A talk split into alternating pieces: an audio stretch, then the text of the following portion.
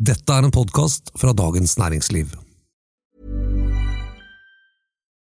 Life is full of what ifs. Some awesome, like what if AI could fold your laundry? And some, well, less awesome, like what if you have unexpected medical costs?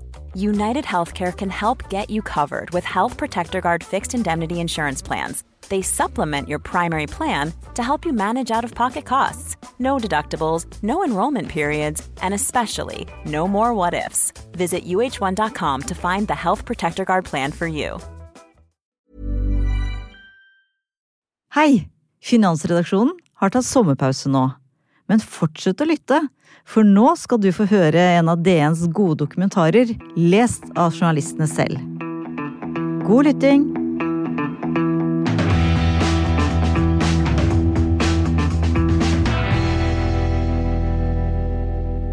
Hei, mitt navn er Gøran Skålmo. Jeg er journalist i Dagens Næringsliv.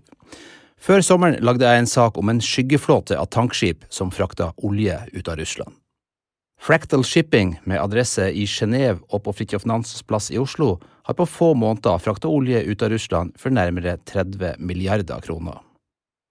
På mindre enn ett år har Fractal Shipping bygget opp en flåte på 25 tankskip, og blitt en av de største aktørene som frakter olje for Putins Russland. Olje er Russlands viktigste kilde til sårt tiltrengt valuta, og finansierer Russlands krigføring mot Ukraina. Derfor reiste vi til Hellas og til Genéve i Sveits for å finne ut hva som egentlig foregikk. Dette er dokumentaren Skyggeflåten. Det er palmesøndag. To tankskip glir stille inntil hverandre i Lakonia-bukta helt sør i Hellas. Bukta er kjent som et rolig farvann der skip kan søke ly i dårlig vær, beskytta som den er av to halvøyer som skjermer bukten på hver side. Men disse skipene søker ikke ly for uvær. Det er blikk stille på det asurblå havet. Tvert imot søker de ly for sin kontroversielle last. Olje fra Russland, som er utsatt for strenge sanksjoner, ment for å strupe oljefinansieringa av det russiske krigsmaskineriet i Ukraina. Likevel, fra en klippe sør for byen Ythion, kan DN observere hvordan flere enorme tankskip sirkler rundt i bukta som i en sakte dans. Synet av dem vibrerer lett i soldisen som henger over det joniske hav. De tilhører det som har fått navnet Russlands skyggeflåte, eller Putins Dark Fleet of Tankers. Den består av skip med uklare eierforhold som bidrar til å opprettholde Putin-regimets eksport av olje etter at vestlige aktører har slutta å handle med Russland. Så legger to skip seg langside til langside. De starta en mange timer lang operasjon med å flytte tusenvis av tonn råolje, verdt flere hundre millioner kroner, over fra det ene skipet til det andre. Denne greske bukta er blitt som en dark pool, altså et enormt uregulert marked, der skip kommer fra russiske havner med olje som er forbudt å ta imot i over 40 vestlige land. I denne bukta pumpes olja over til nye skip, som frakter den videre til India, Kina og De forente arabiske emirater, blant de få landene som fortsatt kan ta imot russisk olje. Disse skipene har ukjente eiere. De opereres fra anonyme kontoradresser i Dubai og Mumbai, eies av anonyme selskaper på en atoll i Mikronesia. Fire av skipene som sirkler rundt i den greske bukta denne helga før påske, opereres imidlertid av Fractal Shipping, et nystarta selskap med kontoradresse på Fridtjof Nansens plass i Oslo og hovedkontor i Genéve.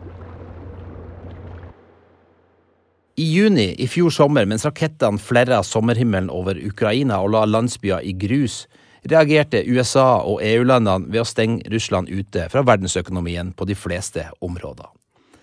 Det viktigste målet for verdenssamfunnets sanksjoner mot Putin-regimet var handel med olje.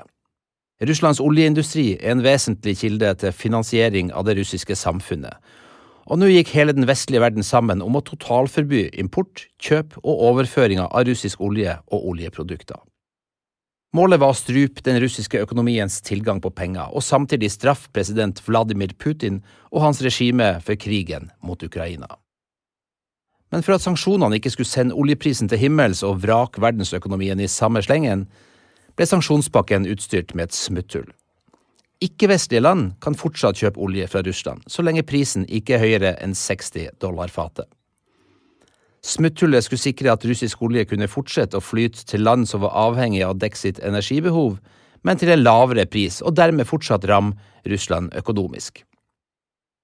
Store tankskipoperatører som danske Mersk og Jon Fredriksens Frontline sa ganske raskt at de ikke ville fortsette å trafikkere russiske havner, selv ikke som ledd i den lovlige handelen med prisbegrensninger. Men der Frontline pekte på omdømmerisikoen ved å handle med Russland, var det nye aktører som så mulighetene åpne seg. Fractal shipping is now up and running in both Geneva and Oslo. Kunngjøringa fra franske Mathieu Philippe i juni 2022 på det sosiale nettverket LinkedIn vekka ikke stor oppmerksomhet i det norske skipsfartsmiljøet rett bak Oslo rådhus. Fractal var et nytt og ubeskrevet selskap, men det skulle etablere seg i shippingbransjens eliteserie på rekordtid. Samtidig som Fractals eiere og ledere jobba med å sette sammen en flåte med tankskip, skjedde et seismisk skift i shippingbransjen. Ukjente og anonyme aktører begynte å støvsuge markedet for eldre tankskip som var til salgs. Krigen skapte et boommarked, og i kjølvannet av sanksjonene var det enorme muligheter for skipsredere som var villige til å jobbe for Putin-regimet. Midt i denne kjøpefesten ble Fractal Shipping en viktig aktør. I løpet av noen få måneder hadde det nystarta selskapet med bare 5000 kroner i aksjekapital lagt 25 tankskip til sin flåte. Et nytt skip nesten annenhver uke. Fractal Shipping var dermed blitt et av bransjens største operatører av tankskip. Og hver gang Fractal la et nytt skip til i porteføljen, ble det satt i trafikk med russisk olje en forretning som mange av de etablerte konkurrentene ikke ville ha noe med å gjøre. DN har fulgt Fractal-skipene sine bevegelser i over to måneder. Ved hjelp av satellittsporing og skipsfartsdata er det mulig å få et detaljert innblikk i hvordan Fractal-flåten opererer. Ifølge disse datakildene har Fractal Shipping sine skip henta olje eller drivstoff fra russiske havner minst 60 ganger. Skipene går deretter til Tyrkia eller gjennom Suezkanalen til mottakshavna i India, Emiratene eller Saudi-Arabia. Disse landene er blant de få som kan kjøpe russisk olje. Og mens historiske skipsdata viser at skipene i Fractals flåte tidligere frakta olje for etablerte aktører over hele verden, har det skjedd et tydelig skift etter at Fractal overtok kontrollen over skipene.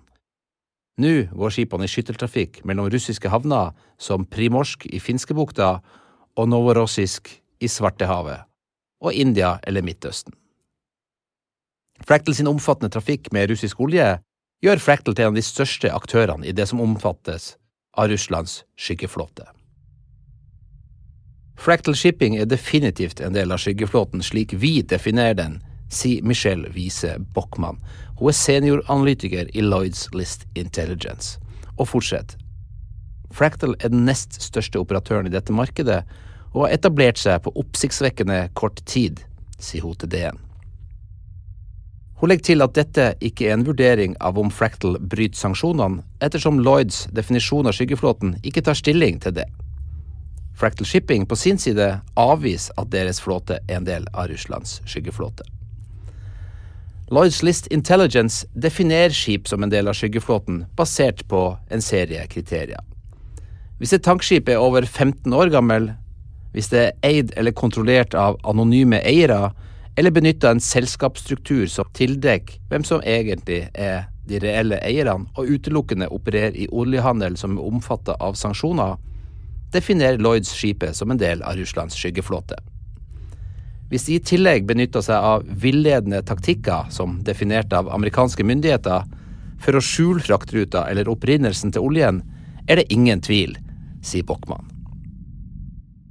Lloyds List Intelligence har i dag 453 skip i sin database som oppfyller disse kriteriene. Mange av disse har i årevis gått i trafikk som bryter USA sine sanksjoner mot Iran og Venezuela. Fractal er en av de største aktørene som har kommet til det siste året. I 2022 ble nemlig rundt 100 tankskip kjøpt opp av nye og obskure aktører i tankmarkedet, som er vanskelig å identifisere. Bockmann sier Fractals tankskipflåte oppfyller alle kriterier for å defineres inn i skyggeflåten. Jeg har i mine 25 år som analytiker innen skipsfart knapt sett en så gjennomført, kompleks selskapsstruktur. Det er umulig å finne ut hvem som eier eller har finansiert skipene, sier hun. Blant de villedende taktikkene som USA har definert, er flytting av olje fra skip til skip i internasjonalt farvann. DN har funnet flere dokumenterte tilfeller av slike hendelser som involverer fractal-skip. Og ingen steder er spillet rundt sanksjonene like absurd som i det asurblå havet utafor Hellas. I uka før påske peila fire ulike tankskip i Fractal-flåten seg inn på Lakonia-bukta sør i Hellas.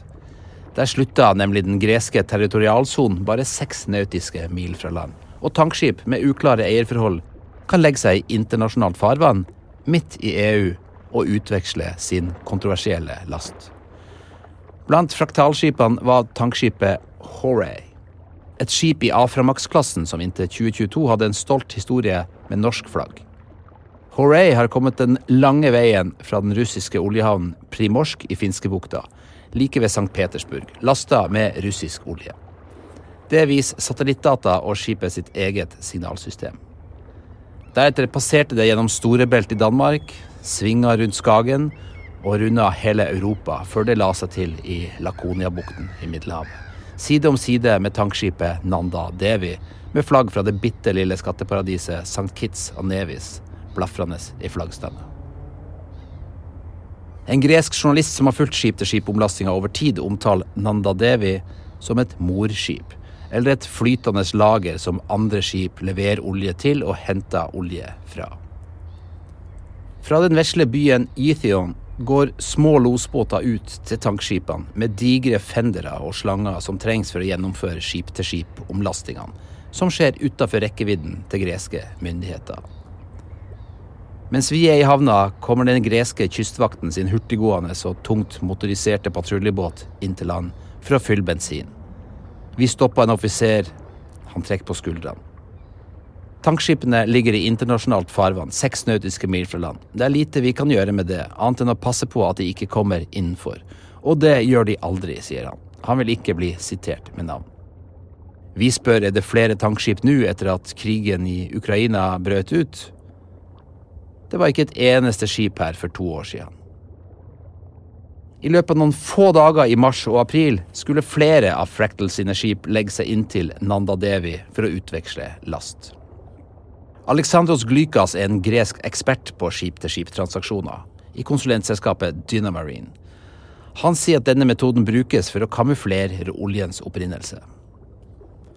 Han sier når oljen lastes over fra ett tankskip til et annet, har oljen ikke lenger opprinnelse i Russland. Det sier Glykas i en videosamtale med Dagens Næringsliv. Da er den et nytt produkt, som er beskrevet av et helt nytt sett dokumenter. Da vil ingen kunne si at oljen er russisk, og papirene vil vise at dette produktet kommer fra Hellas eller Malta, eller hvor enn disse omlastingene skjer, sier Glykas. Andre ganger blandes olje fra ulike skip eller med andre substanser. Glykas fortsetter. Hvis man f.eks. blander et fat med kjemikalier inn i en last på 120 000 tonn råolje, så vil lasten få en annen kjemisk sammensetning, og da er det ikke lenger det samme produktet som ble eksportert fra Russland, sier han. Firmaet hans rådgir skipsredere som er involvert i denne type omlastinger, og gir råd om tusenvis av skip-til-skip-omlastinger hvert år. Noen ganger er omlastingene et reelt kjøp og salg av olje, ifølge Glykas. Andre ganger bare en praktisk og legitim måte å organisere transporten på. Etter at sanksjonene mot Russland trådte i kraft, har det skjedd en endring i praksisen. Glykas sier det er viktig å forstå at når oljen flyttes fra ett skip til et annet, endres dokumentene som viser oljens opprinnelse. Det er det viktigste som skjer, sier han. Derfor tror han ikke at sanksjonene mot Russland kommer til å bli særlig effektive. Glykas igjen. Dette er frihandel i praksis. Sanksjonene kommer ikke til å hindre olje fra Russland i å flyte dit oljen trengs, sier han. Han er mer bekymra for sikkerheten rundt disse omlastingene. Sanksjonene mot Russland har ført til at det kommer nye mellommenn på banen som ikke tidligere var involvert i denne typen transaksjoner. Glyka sier jeg tror det er en felles forståelse at de fleste av de nye aktørene har russiske interesser bak seg. Det gir ingen mening at Russland skulle gi fra seg en så stor del av gevinsten som pristaket pålegger dem, sier han. Det er nemlig enorme gevinster som er tilgjengelig for de som deltar i handelen med russisk olje. Viktor Kurilov jobba tidligere for en tenketank i Russland med nære forbindelser til det statskontrollerte oljeselskapet Rosneft. Da krigen brøt ut, tok han med seg sin kone og nyfødte barn til Oslo, der han nå analyserer oljemarkedet for arbeidsgiveren Rysta Energy. Han har fulgt de nye aktørene i tankskipmarkedet med stor interesse.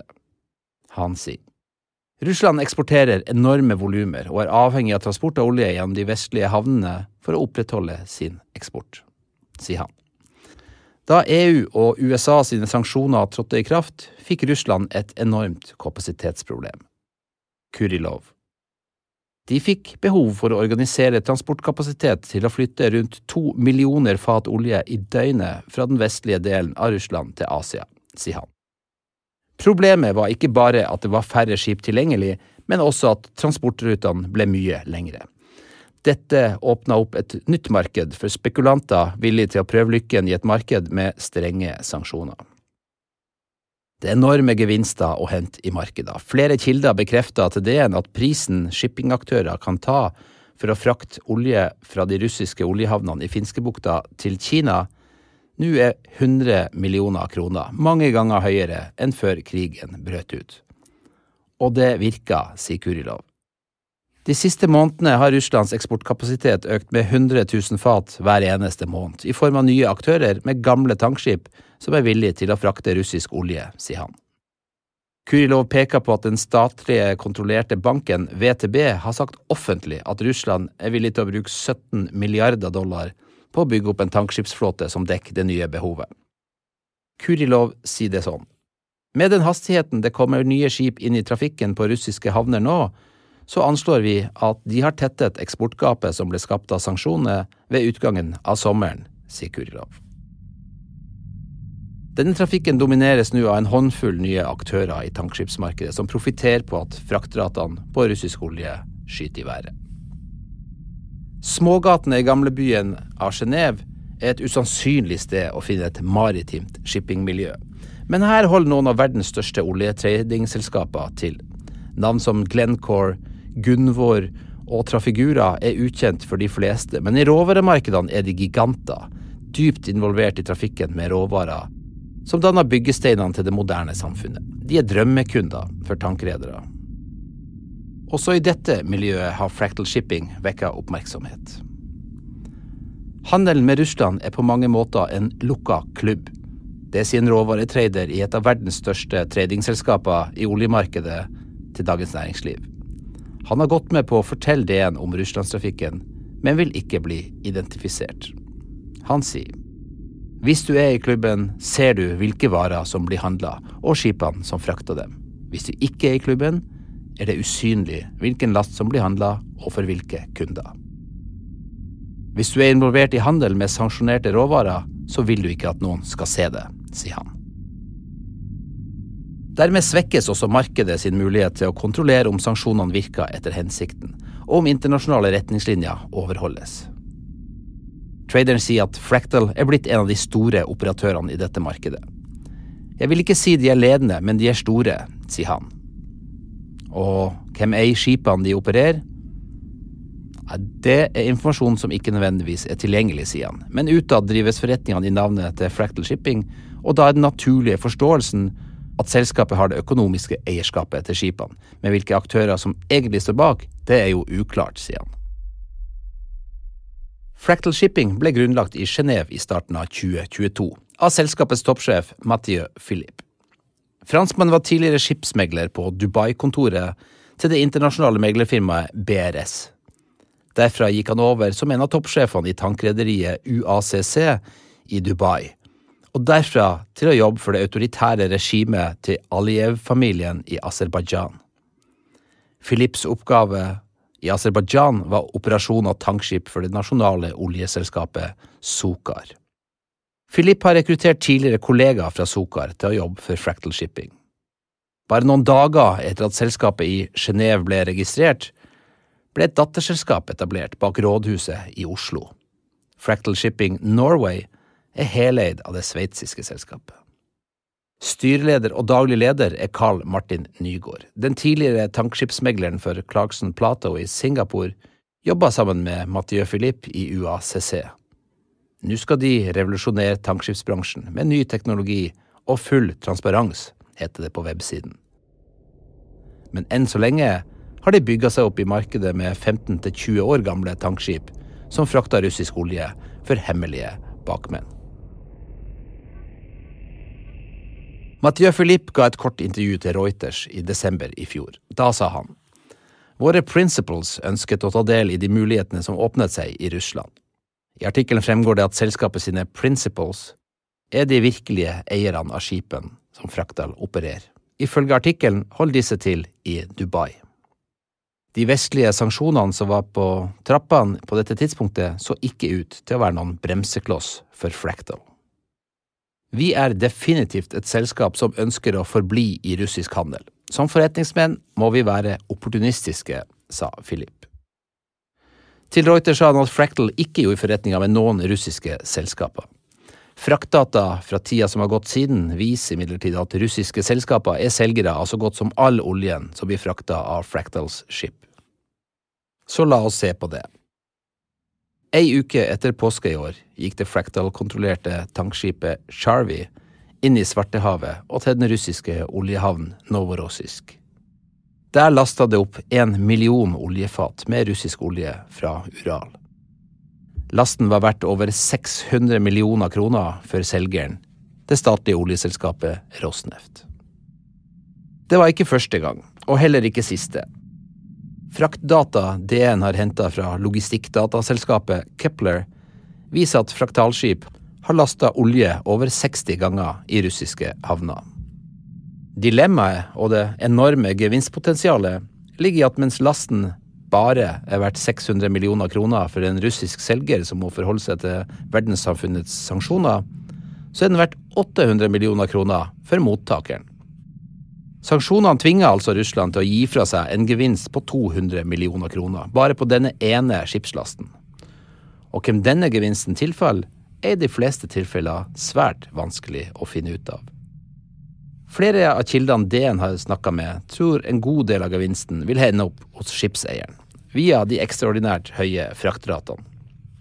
Som oljetraderen i Genéve sa, det vil sikkert også finnes tilfeller der skipseieren kjøper oljen i Russland og selger den i India og kan putte mesteparten av gevinsten i egen lomme. Andre ganger kan rene spekulanter være villige til å finansiere last. Fraktdata fra Kepler viser at et nytt investeringsselskap i Hongkong, kalt Bellatrix, har chartra skip fra Fractal for å hente olje i Russland. En nylig artikkel i tidsskriftet The Economist viste hvordan Bellatrix er kontrollert av en forretningsmann i Aserbajdsjan og finansiert av en landbruksbank, Roselkosbank, i Russland. Bellatrix kjøper olje hovedsakelig fra det russiske statsoljeselskapet Rosneft. Når du hører dette, har tankskipet Charvi for lengst vært tilbake i Svartehavet for å hente en ny last. Nå skal vi til Bergen. Charvi het nemlig tidligere Storviken og var eid av bergensrederiet Viken Shipping. Styreleder i Viken, Hans Olav Lindahl, sier til DN at han ikke kan opplyse hvem Viken solgte til. Det er en helt ordinær transaksjon sett med våre øyne, sier han. Det er en helt bona fide kjøper i vår verden, sier han, den tidligere presidenten i Norges Rederiforbund.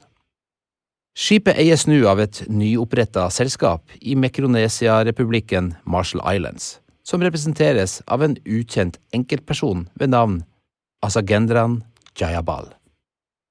Lindahl, som ikke bare er tidligere rederipresident, men også partner i advokatfirmaet Thommessen, vil ikke svare på om Chayabal var den reelle kjøperen, eller om han kan bistå DN med å komme i kontakt med han. Lindahl sier, Jeg konstaterer at dine ordvalg og beskrivelser etterlater et gjennomgående inntrykk av en mistenkeliggjørende vinkling av vår opptreden som selgere, sier han. Jaya Bal har tilsynelatende hatt kjøpesummen på drøyt 230 millioner kroner lett tilgjengelig. Skipet er nemlig ikke pantsatt for eksterne långivere. Kort tid senere dukka det opp som et skip operert av Fractal Shipping. Viken-gruppen har også solgt et annet tankskip til Fractal-flåten, nemlig Kronviken, som nå heter Dafne 5. Også dette går i bane mellom Russland og India. Også dette er nå eid av et nyetablert, anonymt selskap i Mikronesia. Også dette skipet er uten pant eller registrert belåning. Kjøperen, som i dette tilfellet heter Neraj Rajan, er ingen steder å oppdrive. DN har spurt skipsrederne Tom Kristoffer Steckmest og Fredrik Wilhelm Moen, som har signert salgsdokumentene på vegne av Viken Fleet, om deres kjennskap til herr Rajan. De to bergensmilliardærene har ikke besvart henvendelser fra DN om salget av de to skipene til ukjente eiere. Denne uvanlige eierformen, med selskaper i Mikronesia og ukjente menn som står som uh, direktører i selskapet, er ikke enkeltstående rariteter. Samtlige av skipene i Fractal Shippings flåte er organisert på denne måten. Det eneste som endrer seg fra skip til skip, er at det er nye indiske navn som representerer kjøperne hver gang. I skipsregisteret fremstår det som om 25 ulike indere har kjøpt hvert sitt skip, som nå har Fractal Shipping som kommersiell operatør. Tilbake til Lloyds List Intelligence. Selve strukturen med enkeltstående selskaper som eier skipene, er ikke ukjent i shipping. Men Fractal Shipping tilslører de virkelige eierforholdene i en skala som er veldig interessant, sier senioranalytiker Michelle Bockmann. Hun fortsetter. Bruken av indiske representanter for selskapene er spesiell. Jeg vil tenke at dette er mennesker som ikke vet hva de er med på, eller hvilket ansvar de påtar seg, sier Bockmann i Lloyds List Intelligence. Omsetningspriser på skipene registrert i Panama viser at det er kjøpt inn skip til Fractals flåte for 7 milliarder kroner. Flere kilder som er svært erfaren innen skipsfinansiering, sier til DN at det ville vært svært vanskelig, om ikke umulig, å finne investorer som kunne finansiere en slik flåte i dagens marked. Bockmann sier de eneste aktørene jeg kan forestille meg være i stand til å finansiere en slik flåte, er noen som har en statlig støttet enhet av noe slag i ryggen, sier hun. Jeg har heller ikke funnet tegn til at skipene er pantsatt, så det er åpenbart ikke mange aktører som har muligheten til å løfte noe så stort på så kort tid, sier hun. Finansieringskildene bak Freckles flåte har tatt alle forholdsregler for å slippe å vise sin sanne identitet. Det er onsdag 2. mai. Karl Martin Nygaard hasta ut av døren på det anonyme kontorbygget i oljetradingdistriktet i Genéve. Det er lunsjtid. Vi har egentlig ikke noe å si. Vi ønsker ikke å være i mediene på dette stadiet, sier han til Dagens Næringsliv på gata utafor kontorene. Han sier at det er en investorgruppe i Midtøsten som står bak finansieringa av Fractals skip. De har vært her lenge, sier han, så det er ikke noe mer å meddele om det, sier han. Han vil heller ikke si hva som er Fractals langsiktige plan. Hvilken interesse skulle vi ha av å diskutere våre strategier og våre ting i pressen? Vi holder oss innenfor lover og regler, og det er egentlig bare det, sier han. Men sjefen hans, Mathieu Philippe, har vært åpen på at Fractal Shipping er opportunistisk i dette markedet. Nygaard sier det er et premiummarked nå, men det kommer ikke til å vare evig. Vi har en langsiktig strategi som er en annen, og den ønsker vi ikke å snakke om. Nygaard drar en parallell mellom dagens russiske premiummarked og piratproblemet utenfor Somalia i 2010. Da jobba Nygaard i UACC i Dubai sammen med sin nåværende sjef i Fractal, Mathieu Philippe. Han sier dette. Da var vi en av de første som trada gjennom piratområdene, og det var en opportunistisk handling i et veldig, veldig dårlig marked, da ingen ville ha våpen om bord på båtene. Da var det en premium å hente da. Og så kom det jo flere og flere inn, og på en måte spiste på det markedet, og det markedet forsvant. Og det samme tror jeg kommer til å skje med denne handelen, sier Nygaard. Han pekte på at særegne situasjoner i markedet har skapt store formuer tidligere. Han sier du må ha litt flaks i shipping. Onassis, Fredriksen, Reksten, alle har jo på en måte truffet noe i markedet veldig raskt. Det er jo liksom det som kjennetegner dem, og så er det hvordan du bygger et selskap videre fra det, da, sier han til DN. Skyggespillet rundt hvem som finansierer Fractal Shippings flåte av tankskip, er omfattende og komplisert. Ofte omsettes skipet via mellommenn, som umiddelbart flippa det videre til et nyoppretta anonymt selskap på Marshall Island, som igjen oppgir CO2-adresse hos Fractal Shipping i Genéve.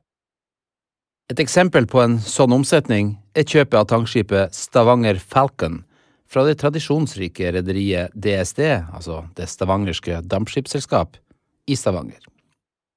Da DSD ville selge skipet Stavanger Falcon, endte rederiet opp med å bruke det vesle skipsmeglerselskapet Nordic Shipping på Fridtjof Nansens plass i Oslo. Dokumenter fra skipsregisteret i Panama viser at Stavanger Falcon ble solgt til Hongkong-selskapet Ocean Park Trading, oppretta i 2019 med 100 dollar i aksjekapital og eid av en privatperson med adresse i Mumbai i India. DSD henvendte seg så til Nordisk Skipsrederforening, en medlemsorganisasjon med 22 advokater i Oslo, spesialisert på å hjelpe skipsredere med transaksjoner. Nordisk, som de kalles i kortversjon, hadde ingenting å utsette på Ocean Park Trading eller den indiske privatpersonen Roshanlal Shambunat Gupta. For sikkerhets skyld ble også et britisk advokatfirma hyra inn til å gjøre pengeoverføringene og hvitvaskingskontroll av beløpet på 280 millioner kroner. Skipet ble omdøpt til Hooray og umiddelbart satt i trafikk med russisk olje. Lederen for advokatene i Nordisk skipsrederforening, Mats E. Sæter, sier dette til DN. Vi har ikke mulighet til eller ønske om å konkret kommentere saker hvor vi har bistått våre medlemmer. Han understreker at Nordisk skipsrederforening har citat, meget gode hvitvaskingsrutiner. Citat slutt.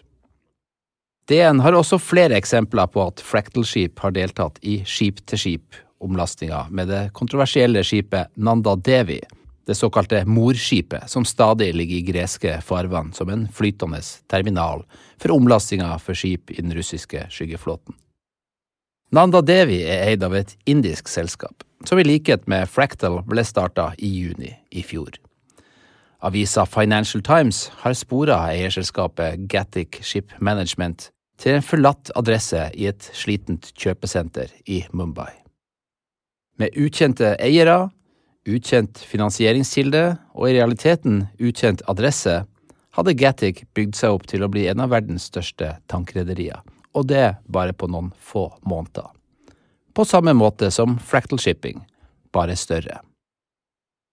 Omtrent samtidig som Nanda Devi hadde flere stevnemøter med Fractal-opererte skip med russisk olje, stramma G7-landene som håndterer sanksjonene mot russisk oljehandel, grepet mot aktører som bryter med sanksjonsbestemmelsene. Kort tid etter ble hele Gattic-flåten kasta ut fra sine amerikanske forsikringsselskaper. De ble kasta ut fra flaggstaten St. Kitts og Nevis i Karibia og fratatt sine sikkerhetsselskaper av det britiske klassifiseringsselskapet Lloyds Register. Nanda Devi seiler nå under gabonsk flagg. Det er ukjent om det har forsikring. Fractal Shipping legger heller ikke skjul på at de er i den kontroversielle oljetrafikken for å tjene penger. Vi har valgt å trade båtene til Russland fordi inntjeningen har vært bedre der, skriver Karl Martin Nygaard i en melding til Dagens Næringsliv. Han fortsetter. Som kommersielle managere så er jobben vår å optimere inntjeningen på båtene, men vi har, og vil også i fremtiden, slutter båtene til ikke-russiske reiser, når det er økonomisk gunstig. At noen selskaper velger å selvsanksjonere seg i forhold til Russland, det er opp til dem. Han avviser at Fractal er en del av Russlands skyggeflåte, og vil verken bekrefte eller avkrefte at Fractals båter er involvert i skip-til-skip-omlastinga. Han skriver Våre båter har lastet olje og raffinerte oljeprodukter fra Russland med dokumentasjon på at sanksjoner blir overholdt, og vi følger nøye med på G7-landenes retningslinjer og sanksjoner, skriver han. Og fortsett. Fractal har opplevd en fenomenal vekst det siste året. Vi har ambisiøse planer for selskapet. Vi opptrer i en veldig konkurranseutsatt og tøff bransje. Derfor er det begrenset hva vi kan og vil diskutere med media, skriver han.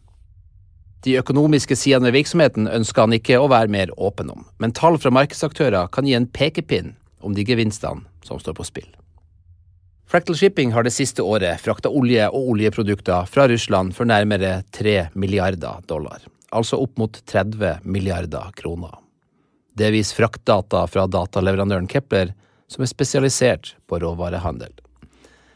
DN benytta fraktdata for hver enkelt cargo lasta om bord på et fraktalskip i russiske havner, og kontrollerte dette mot posisjonsdata fra flere kilder for å kartlegge Fractal Shippings omfattende transport av russisk olje. Aktører som er villige til å jobbe for Russland, kan høste enorme gevinster. Oljetraderen i Genéve sier at det er et problem at markedet ikke lenger er transparent. Han sier for oss er det selvsagt et problem at konkurrenter i dette markedet gjør handler vi ikke kan tillate oss å være involvert i. Gevinstene som er involvert i tankskip i dag, er rene honningkrukker for aktører som har en lav terskel for å bryte reglene, mener han. I dagens marked kan du nedbetale hele kjøpesummen på et tankskip verdt 250 millioner kroner på bare tre-fire turer mellom Russland og Kina. Det er lett å forstå motivasjon. Endringene i dette markedet kan allerede ha skapt nye moguler. En ny generasjons Onassis eller Fredriksen og ingen vet hvem disse er.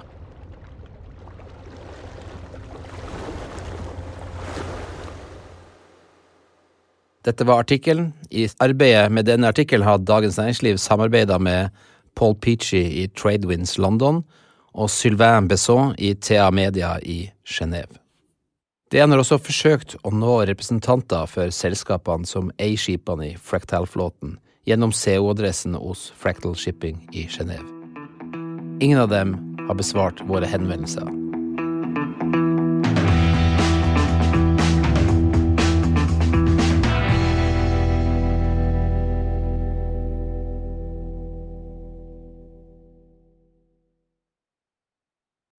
Du har nå hørt en podkast fra Dagens Næringsliv.